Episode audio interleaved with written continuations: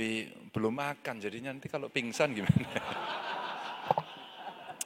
Assalamualaikum warahmatullahi wabarakatuh. Selamat siang, salam sejahtera untuk kita semua, Bapak Ibu yang sangat saya hormati dari Indef, dari CNBC. Eh, saya menyampaikan terima kasih sudah mengundang. Tentu banyak orang sangat penting di sini, hampir semuanya wajahnya sebagian besar saya kenal. Gitu. Mohon maaf kalau tidak saya sebut satu persatu, semua saya hormati, saya banggakan. saya ada beberapa paparan dan beberapa paparan ini tidak terlalu original untuk hari ini karena beberapa kali sudah kita paparkan di tempat lain. Tapi tidak jauh-jauh dari apa yang menjadi agenda-agenda yang kami sampaikan. Sesuai dengan permintaan kemarin cerita akselerasi bagaimana ekonomi kita itu bisa bertransformasi, kita kasih judul Indonesia Unggul, mulai percepatan ekonomi. Bapak Ibu yang sangat saya hormati, slide berikutnya. Kita memang lagi melihat dunia tidak sedang tidak baik-baik saja, tekanannya luar biasa. Kemarin saya diundang di CSIS, saya sampaikan juga pada seluruh uh, yang hadir di sana, situasinya tidak mudah, kita harus survive. Maka ada current economy dan human capital menuju pada new economy. Boleh kita buka satu-satu? Current economy ini kita bagi dua antara problem terkait dengan infrastruktur dan yang kedua terkait dengan industri. Kalau kita melihat infrastruktur Bapak Ibu, saya kira 10 tahun Pak Jokowi sudah melakukan itu. Pertanyaannya ada yang protes, kenapa bandaranya sepi, pelabuhannya sepi, jalan tolnya kok belum menghasilkan. Maka utilisasinya yang mesti kita lakukan. Dan hari ini tidak hanya urusan pemerintah pusat, bagaimana mengorkestrasi dengan seluruh pemangku kepentingan termasuk di daerah. Minimal saya pensiunan orang daerah. Dan tentu saja Konsep kemudian yang kita lakukan adalah bagaimana infrastruktur ini bisa kita dorong minimal kalau dari gambar ini kita mendorong satu contoh saja. Ketika kemudian ada dari keluarga miskin kita jadikan sarjana, dia sekolahnya dari desa ke kota. Kemudian kita harapkan nanti dia akan kembali ke desa dan di desa dia akan membangun desanya. Insentif yang diberikan, pelindungan yang diberikan, akses yang diberikan kepada mereka, yang kita harapkan kemudian ini bisa eh, menjadi inisiatif untuk tumbuh bersama dan bisa meningkatkan nilai tambah dari infrastruktur yang ada. Dan tentu saja kotanya tidak makin berat karena kemudian terjadi migrasi dan desanya bisa tumbuh tapi menjaga lokalitas yang ada di desa dan desanya jangan dijadikan kota. Biarkan lokalitasnya muncul, biarkan kearifannya muncul. Maka ada istilah kami kalau orang Jawa itu negoro mawa toto, deso mawa coro. Biarkan cara berkembang tidak harus ditata sehingga nanti dalam konteks governance-nya juga mesti memperhatikan gaya desa. Jangan sampai jadi birokratisasi yang ada di desa membuat sangat rumit. Ini beberapa contoh dan dari desa ini ada catatan bagaimana kita bisa mandiri pangan, dan ketersediaan infrastruktur digital yang kita harapkan itu akan mampu mendorong segala potensi kreativitas yang ada di desa. Berikutnya, maka kalau kita melihat dari sisi industrinya, Bapak Ibu yang sangat saya hormati, ada top 3 dari komoditas ya, mulai bahan bakar dari mineral kita yang cukup besar nilainya, lalu ada biji mineral kita yang cukup besar dan karet. Tapi karet ini lagi agak tenggelam dan kemarin saya dari Palembang, dari Lampung, mereka bercerita, Pak tolong kami Pak, karet kami harganya hancur. Sudah pupuknya mahal, obat-obatannya mahal, dan kemudian tertuduhnya adalah pemerintah. Mereka menyampaikan, tolonglah kami. Kejadian serupa beberapa waktu sebelumnya terjadi di sawit dengan apa eh, buah sawit itu tandan buah segarnya itu harganya sampai terpuruk sampai 500 perak. Sekarang sudah naik menjadi 2000 sudah cukup bisa menolong. Dan tentu saja proses industrialisasi yang bisa kita lakukan mulai dari apa besi baja, contoh tadi minyak sawit, kimia dasar organik yang bersumber dari hasil pertanian dengan nilai-nilai yang saya tuliskan di sana. Sampai kemudian setelah dari komoditas yang ada masuk pada industrialisasi adalah komersialisasi. Saya kasih contoh produk lokal saja. Ini ada dua produk lokal yang menurut saya punya nilai kebanggaan karena dia bisa menjelajah ke banyak negara. Ada dari Indofood, ada dari Wings. Namun demikian Bapak Ibu, dari investasi yang ada ini tidak hanya untuk melihat jumlah uang yang masuk saja, tapi bagaimana output yang bisa dihasilkan. Kalau kemudian investasi masuk tapi ICOR kita masih 7,6 rasanya ya inefisiensi masih terjadi di mana-mana. Ya. Terus kemudian kita coba meningkatkan efisiensi investasi, paling tidak target ICOR-nya itu bisa 4 persen. Kalau bisa naik itu, apa kira-kira yang mesti kita agendakan adalah menggandeng perusahaan lokal dan global untuk membangun industri. Banyak sekali perusahaan besar yang ada di Indonesia, banyak sekali. Tapi peran kita yang ada yang bisa digandeng mereka yang mana? Kita tetap menjadi market yang potensial. Sekali lagi, market terus. Kapan kita bisa membalik, bisa menggandeng mereka untuk kita sama-sama bisa menjadi produsen. Maka kerjasama dengan periset pemasok SDM dalam negeri penting. Ini termasuk bagian dari diskusi kami dengan para peneliti Indonesia, ex-LIPI yang sekarang ada di BRIN juga, dan mereka cerita, Pak Ganjar kenapa sih kemudian kami ini dicuekin? Sudah biaya riset kita kecil sekali, coba dong dorong sampai satu persen aja jadi DGP. Maka kita sebenarnya punya semangat untuk meriset dan kita punya kekuatan yang luar biasa, bahkan anak-anak muda kita sudah menghasilkan riset-riset itu sampai dipakai keluar.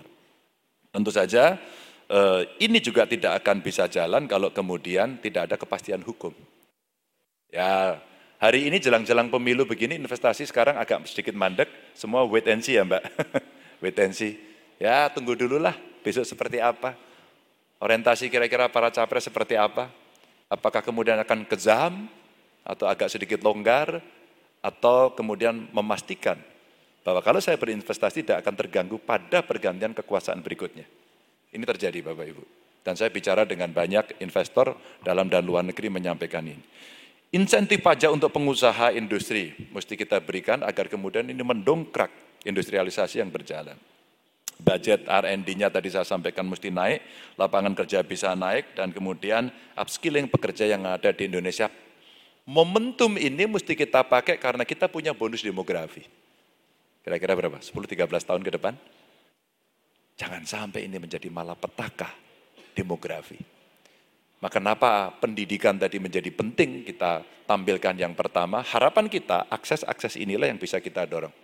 Pengalamannya Bapak Ibu, kalau pendidikannya baik, dia dari keluarga miskin, rata-rata si orang yang berpendidikan baik ini dia akan mengangkat kemiskinan di keluarganya. Kecuali mereka yang miskinnya ekstrim, yang kira-kira masuk di desil satu itu. Kalau dia masuk di desil satu, ya sudah.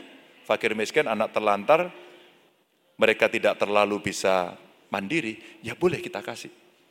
Tapi yang lain yang punya potensi ini mesti kita tingkatkan agar mereka bisa melakukan itu. Setidaknya itu pengalaman pribadi saya. Kalau kita tidak sekolah, tidak sekolah tinggi, tidak punya pengetahuan yang cukup, saya nggak yakin Indef ngundang saya ke sini. Lanjut. Bapak Ibu yang sangat saya hormati, kita masuk pada human capital. Maka bagaimana kita mengendarai SDM menuju Indonesia unggul ini. Maka kalau saya boleh menyampaikan cerita PISA skor kita yang masih sangat rendah. Lalu ada prevalensi stunting ya yang kita harapkan ini bisa kita tekan termasuk sebenarnya AKI AKB. Angka kematian ibu melahirkan dan angka kematian balita. Maka saya punya pengalaman ini di mana tiba-tiba ada orang asing datang melakukan supervisi dan kemudian ditanyakan, eh Aki Anda itu tinggi loh. Waktu itu saya sebagai gubernur baru. Saya tidak ngerti indeks ini. Jadi terasa, apa sih ini? Ternyata ini indeks yang begitu pentingnya buat kita.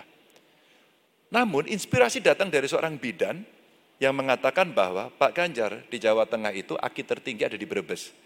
Tapi catat Pak, yang kedua itu ada di kota Semarang. Menarik. Satu daerahnya luas dan miskin, yang satu kota yang sangat maju, paling maju di Jawa Tengah. Lalu apa yang terjadi? Ternyata komunikasi. Dan kita mesti aware pada ibu hamil. Maka saya buatkan program nginceng wong meteng waktu itu. Ya kan, ketawa kan. Kalau saya programnya memeriksakan ibu hamil, periksa kandungan rutin, pasti nggak menarik. Begitu bilang nginceng wong meteng tertarik semua. Maka nempel di sini, apa yang kita inceng? Pastikan ibu yang hamil itu sudah periksa. Nggak ada nginceng itu gini, nggak ada. Nginceng itu pasti gini. Membidik, serius, fokus. Cari ibu hamil. Setelah saya tanya pada ahli-ahli kesehatan, ternyata 20% kandungannya itu bermasalah dan punya risiko tinggi. Bapak Ibu, ini pencegahan stunting yang pertama. Dia hanya butuh periksa rutin, begitu ketahuan yang 20% itu kita intervensi. Hanya butuh itu saja. Jadi butuh orang yang rajin, ibu-ibu PKK, kayak dasawisma, kayak posyandu, kayak aktivis, kayak terserah. Dan kita ajak perguruan tinggi dengan one student, one client. Jadi perguruan tinggi yang mau peduli, dia mendampingi ibu hamil sampai melahirkan. Ya nggak tahan juga sih mereka lahirnya kapan gitu. Kalau baru hamil sekarang kan dia nungguin 9 bulan 10 hari. Kalau yang ketemunya pas dapat 9 bulan hanya dia kerjanya 10 hari. Tapi sebenarnya kita ingin mendorong bagaimana kita menekan itu. Ini menurunkan stunting. Termasuk akhirnya kita nemu dengan masyarakat, partisipasinya bagus. Pak Ganjar saya punya beras fortifikasi. Alhamdulillah kemarin kita uji coba, beberapa perguruan tinggi kita minta untuk meriset, hasilnya bagus. Maka saya bilang, genjot itu. Eh, saya pensiun. Ya nanti kita teruskan. 100 universitas terakreditasi unggul kita harapkan menjadi uh, tempat-tempat anak-anak kita bisa belajar. Dan pendidikan untuk buruh yang berprestasi dan keluarganya, untuk mendorong bahwa masa depan dari keluarga itu, uh, begitu turun ke anaknya, nanti ke cucunya, makin hari naik kelas. Dan itu kemudian akses belajar. Nah kalau kita punya 20% anggaran pendidikan, rasanya kok bukan tidak mungkin kita mempercepat. Tinggal bagaimana memanage. Yang saya dengar dari mereka, Pak ini dipakainya ke sana, ke sini, ke sono, dan tersebar. Tidak terkonsolidasi dengan baik. Apakah itu betul? Eh, nanti kita cek. Kurikulum yang siap kerja, ini pas industrialisasi, ada bonus demografi, maka kalau di tengahnya dikasih pendidikan yang pas, match, ketemu dia. Ketika industrialisasi masuk, ada yang padat modal, ada yang padat karya, maka dua-duanya harus bareng eh SDM seperti apa yang Anda butuhkan. Sebuah piloting sebagai kerjasama pusat dan daerah ada di kawasan industri Batang. Begitu yang padat karya ada tapi dikit, padat modalnya masuk agak banyak, kita sudah hitung ternyata suplai tenaga kerjanya dipertanyakan, apakah ada dari daerah itu. Maka mumpung masih proses, kita siapkan SMK di sana. Ya. Kita siapkan SMK agar dia kemudian bisa bertemu di ujung, sehingga SMK ini betul-betul akan bisa memenuhi kebutuhan kriteria yang dibutuhkan oleh industri itu. Ada ada industri kaca yang sangat besar, baterai cukup gede, apa pipa dan beberapa perusahaan-perusahaan besar yang ada di sana. Yang berikutnya tentu saja ketika uh, kurikulum yang siap kerja ini sudah kita dorong, ya vokasi prioritasnya, maka Berikutnya adalah menjamin kesehatan mereka dari sisi hilirnya. Kalau dari sisi hulunya, ya olahraga. Olahraga, makan bergizi, ya. Eh, mohon maaf, eh, bapak-bapak, tolong dicek lingkar perutnya. Ya. Itu kata dokter 90, Pak Rektor. Ya. ya kalau Pak Rektor mungkin ya 90 setengah itu. Karena apa kata dokter juga disampaikan bahwa ya Itulah sumber penyakitnya. Maka sehat. Olahraga. Tiap hari. Kalau itu bisa dilakukan investasi yang paling besar itu. Cuman kalau nggak bisa harus masuk rumah sakit ya BPJS-nya mesti coverage-nya terpenuhi dan gampang. Tidak ribet. Dan dengan dunia digital sebenarnya itu bisa kita simplifikasi. Tapi kenapa kita tidak mau? Nah itulah yang menjadi pertanyaan masyarakat kadang-kadang, Anda itu menyebalkan. Anda itu maksudnya kami yang ada di pemerintah. Menaikkan angka harapan hidup dan memberikan jaminan sosial, pada, jaminan sosial kepada orang tua kita. Orang tua kita itu ada yang tidak mau istirahat, mereka mau bekerja, tapi mesti diberikan ruang di mana mereka bisa eksis. Atau barangkali dia ingin istirahat, tapi dia ingin bersosialisasi. Bapak Ibu, senam pagi itu ternyata menyenangkan buat orang tua. Bahkan ada, maaf ya, sudah sepuh, hidupnya sendiri, mungkin sudah ditinggal suami atau istrinya, pada saat mereka senam bersama, itu bisa tertarik sama pasangan yang lain loh di situ. So sweet lah pokoknya. So sweet betul. Saya itu terharu, seneng sambil gimana. Kebahagiaan mereka itu betul-betul ada dan kita tidak abai pada mereka. Orang-orang yang sudah melahirkan kita semuanya. Lanjut, ini soal cerita SDM unggul. Dan kami menyebut sebagai new economy untuk membuka market dan kesempatan baru, ada green, blue, dan digital. Saya mau cerita dari green dulu.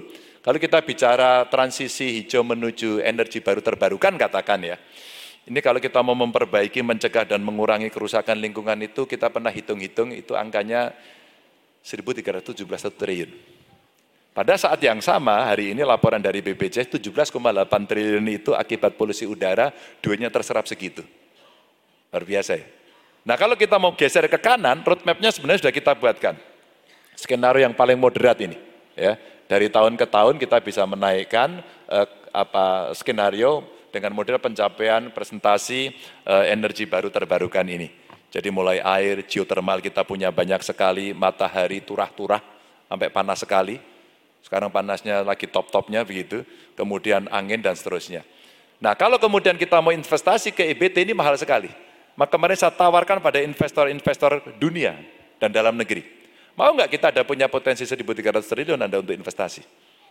Kalau iya, maka pelan-pelan transformasi energinya akan berjalan, relatif energinya akan makin bersih. Relatif akan bersih. Tapi ada yang nggak setuju. Anda investasi di sini, Anda juga membutuhkan energi yang besar. Biasanya yang ngomong gitu pasti dia punya energi cadangan yang sekarang ada.